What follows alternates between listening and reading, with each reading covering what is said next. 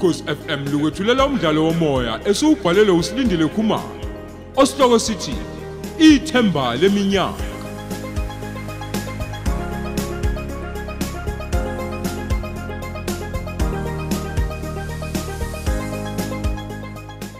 Nasi isiqebu sethu samashumi amabili nane.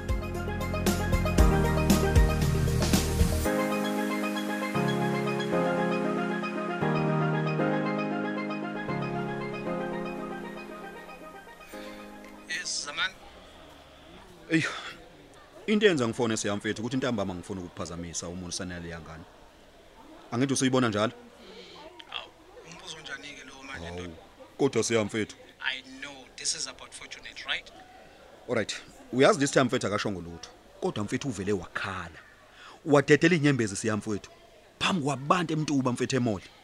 Oh, uzokhalelani kumekutshela? Siya. Noma ngaba usamfuni kangakanani mfethu. But ungamhlukumezi umuntu wesifazane. Uze kubone wonke umuntu bra wami. Hey, ngiyamangala zamani ngoba kasho ngolutho ku. Kodwa manje wena sewazi ukuthi uhlukumezekile. Akwenziwa siya kanje mfethu. Please. Hayibo, mina ngibona ukuthi vele umthathe mfethu umenzo wakho ngoba phela wena unempathe engcono kuneyami. Hawu hawu hawu hawu. hawu. Angitsho wena manje unozwelo olukhulu ngaye. Ukwazi ngisho ukukhuluma nawe izinto mina angakazi asitshele mina. Hayi, mthathe. Iyodwa into engizokutshela yona siyamfethu. Hayi suka. Ukuthi umuntu unothando lusha akufanele uvumele ukuthi luphazamise bese omunye umntwana mfethu umbone ngelutho. Aw, sekunjalo ke manje. siya. Ufotho nje ntuba umthanda mfethu sonke lesikhathi into nje konakele ngokuthi uhlangane nalengane yesikole. Masiya bra wami ungabe uyenza into komunye umuntu mfethu ongezuthanda ukuthi yenziwe kuwena? Uboyijwayeza ukuthi uyithathe uyibhekise kuwe qala So Dr Love kusukela hayi mfethu hayi masiya bra wami angiyincomi mfethu kodwa ungabuza untombi ukuthi sake sayibanga yini intombazane nangelilodwa ilanga naye asikaze mfethu siya Hey, zamani, ungakhohlwa ukuthi usuthathile wena. Unengodo ususikhuluma. manje Mina I'm still looking ngoba kwakhona ukuhlala noFortunate akusho ukuthi sengimshadile noma kusho ukuthi ngizomthatha. Cha. Alright siya. Awucabange lento oyenzayo konfethi senziwa usesa kuwena ngoba umthanda kangaka nje. Ngiyamthanda kakhulu kodwa ngikubonayo naye ungithanda kakhulu futhi. Akusizi ke zamani ukuthandana nomuntu ngoba usumzwela ukuthi yena ukuthanda kakhulu. Uyazizwa ukuthi uthini nje siya. Uyazizwa mfethu? Hawu, mfethu, kulula vele ukujaja kulesi simo engibhekene naso ngoba wena ukwazi uhlangabezane naso. Alright, awenza iqiniso ke empilweni yakho kanye nje siya. Ukhule nje kuba indoda once. Oh, okay. Ngizokhuluma noFortunate. Ngiyabonga bra wami.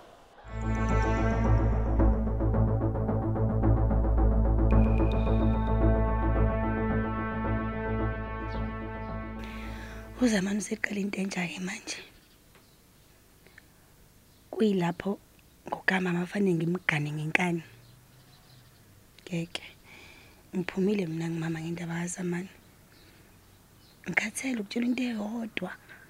Ngesimo esibonwa yini mina la engekho khona futhi uma uma ngabe uzamane eyimisele nje ngokwakho umuzi kufanele akubonise lokho ngezenzo zakhe. Indlela enza ngayo nangendlela akhuluma ngayo nami. Angisiyena nje ngempela umuntu obalulekile empilweni yakhe. Mm-mm. umama kamazi uzamani muzwa ngendaba. Into edume ekhanda laloya muntu imali nje kuphela. Akukho okunye. Nakhona leyo mali into entsha nje empilweni yakhe. Mina kube ngangazile nje ukuthi kuzoba kanje kange ngivume ngempela ukuthi azongilobola wasekuqaleni nje. ngoba abantu bazobuka mina-ke njengamanje ukuthi ngithathe isinqumo sokumshiya. Soba sengathi ngangingacabanganga kahle noma ngangijaha ukulotsholwa ngeke. Mina okwamanje ngisho ngakho konke. Kodwa uzamani usecabanga ngenye indlela ke ngempela.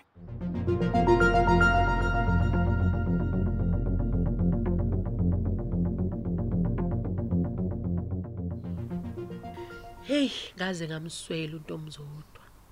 Kutheni ngempela wathula kangaka umntanami? Hey bo. Uyakhumbula nje kodwa kona ma ukuthi nigcineni nje ukukhuluma ke nje kukodwa. Hayi lutho ntombi yami. Kunini kambe thoko?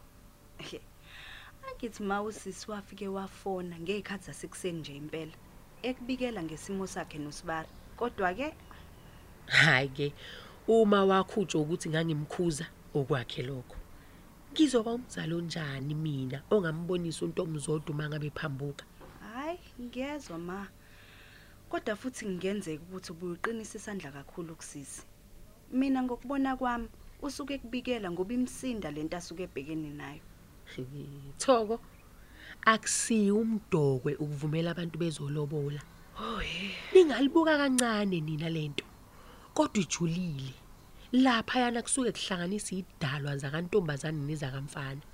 Njengobuzwa nje kuthiwa kwakho ubuhlobo hayi ngiyezwa hayi wena thoko ngiyazi ukuthi awazi. Untombi lo wamfana umazi kudala besakhula engiqonda ukushoke wayevuma nje ukulotsholwa umuntu amazi kahle nje. Wema bayashintsha abantu njalo. Hayi lutho thoko. Usungathalana nomuntu iminyaka cishe u15 bese ezokushintshela nje esikhaleni. Mina mangibona ukuthi nihlale phansi nosisi akuchazele lezi zinto ezimenza mngabazi uSibari. Kungenzeka ukuthi uSibari usenezindlela ezintsha ezintsha emehlweni wakhe usisi. Hayi mina ngilala lelo demoni ke kakade thoko. Alukho uthando olungafikelwa izimo.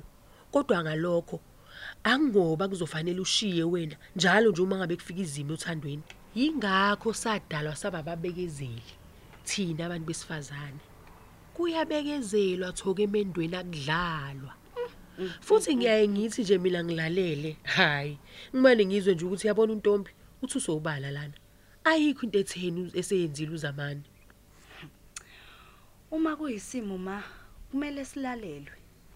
Ngoba okunye mina engikubonayo usisi Ntomba akasiyo umuntu okhonza ukukhuluma akakwazi nje inhlobo kodwa mhlawumbe uma ungamnika ithuba nihleli phansi umlalele.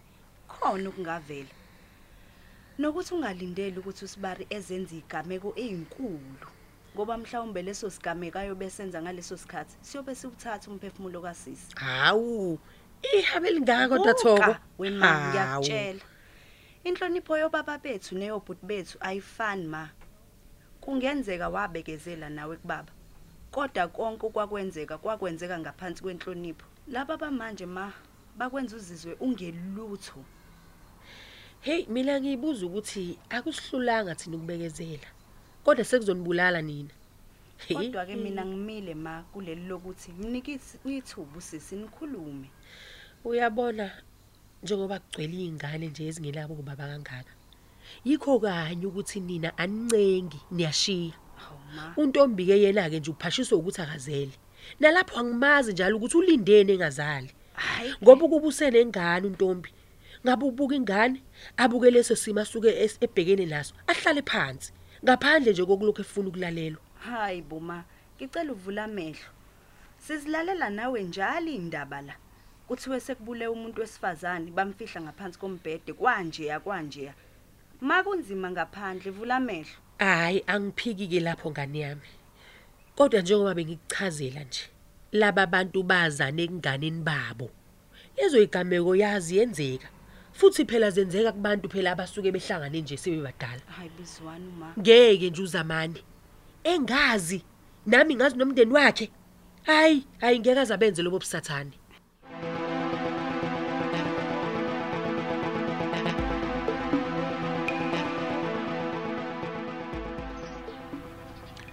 Ufunde kahle sithando sami. hawu ngiyabonga. Ngifunde kahle kakhulu. Yeah, ngizocela yazi ung- ungiphelezele siyolanda lezi yazinto endlini. Bese siyabuya kuya estadini. U- Uyakhumbula ngithi ukuthi ngikhohlwe yini izolo? hawu ngikhumbula kahle babe wena usebenze kahle kodwa Oh wow. Ey, angijwayele neze ukubuzwa lo mbuzo nekhengaka.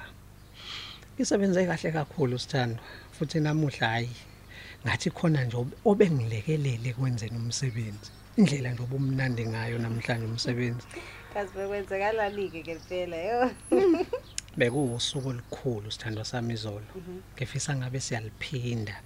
Ngizizwe ngibalekile kakhulu empilweni yakho. Hey, ukuba ukhona bezo witness bengizovuka ekseni ngiphume neshidi phandle. I'm so proud of you sis. hawu ngiyakuzwa ngiyabonga si Ngizohlezi ngikhona eduze kwakho. Uzothola yonke into oyifunayo empilweni yakho. what sesa wants siya gives baby. Ngiyabonga siya. Eh, usungibangela amahloni ke manje. You deserve all the good things in the world babe. Uma nje kukhulunywa ngembokodo kusuke kushiya umuntu okwazi ukuzigcina njengawe sesa. Hawu. I guess ngazocross iminwe pho yavune habe ngiyafunga sithandwa sami. Angikaze ngihlengane nomuntu wesifazane ophila impilo enhle kanje. Hayi ngicela uma kukhona umama wakho la eshoda khona ungazise ngokukhulu ukusheshsha sithandwa sami. Ukube kuyangami ngabe nje siyamazisa ukuthi ngikhona empilweni yakho. Kodwa ke hayi ngisalinda uqeda isikole bese ngikuthatha ngokusemthethweni. Mhlambe ke ngokuhamba kwesikhathi. Eh, ukuthi okwamanje nje hawe ma ngangibulala ngenduku ma ha ha ha. hawu yazi bengifisa ukwazi ukuthi ena kahle kahle wena vele owakuphi nendawo ngoba ngikwazi kahle Hmm, hayi, umbuzo omuhle lowo babe. Mina ngidabuka eGoli, kodwa ke ngizinze la elokushini lakwamsana. Sengize ngafana nesakhamuzi nje khona ngoba nginendlu esayithini yami. oh okay uhlala nobanike kuleyo ndlu nomndeni wakho Ngihlala noma wengane nengane yami. oh azowalikhuluma ke boyiqiniso Hey, bengeke ngilenze iphutha sithando sami. Phela sesangifuni ukuthi ngibe nezimfihlo kuwe. Ngoba akusho lutho mina ukuthi ngihlala noma wengane. Lokho akusho ukuthi angikuthandi wena. Futhi akusho ukuthi ngizoshada yena ngoba nakho mhlambe yena ngihlala naye. Cha, yabo njoba ngila, ingoba kanginelisi. Ngiyakuthanda kakhulu mina. Ngiyakuthanda sesa. Ngiyacela ke nawe ungangiphoxa. hawu ngingakuphoqa ngani kodwa mina hawu ngikuthanda kanjena kodwa siya ngithanda nje nokuthi nje ukhulume iqiniso okusho ukuthi nje vele awufuni ukuthenga amehlami Hmm, hayi ngiyajabula uma ubona lokho sithandwa sami mana ke u- u- uyayibona le yandlo egrey ekulele yakhona oh ikhona kwadlamini laphayana siyakhona. Kodwa ngathi akunamuntu nje so singangena? No ungangeni nami.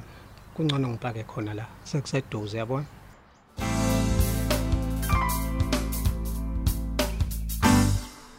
Hayibo ngoba ngathi imoto kasiyanje la ibhaye ngaphandle komuzi.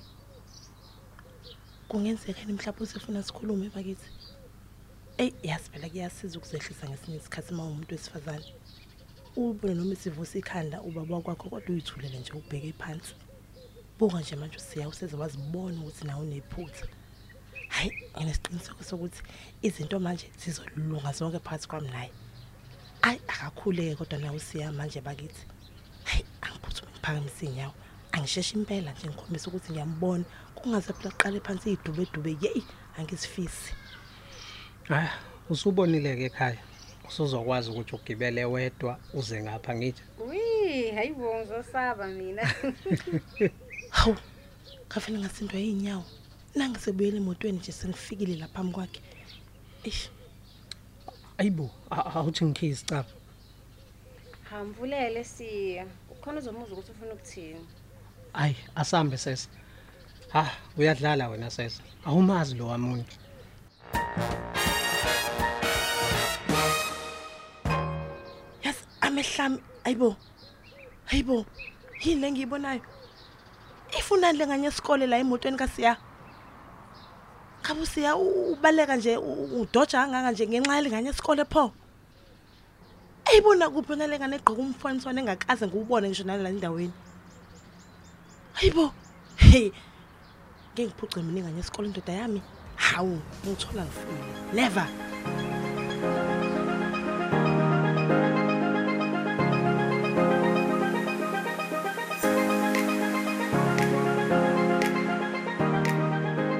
Siubeka lapho umdlalo wethu osihloko sithi ithemba leminyaka eswetshulelwa ukhozi FM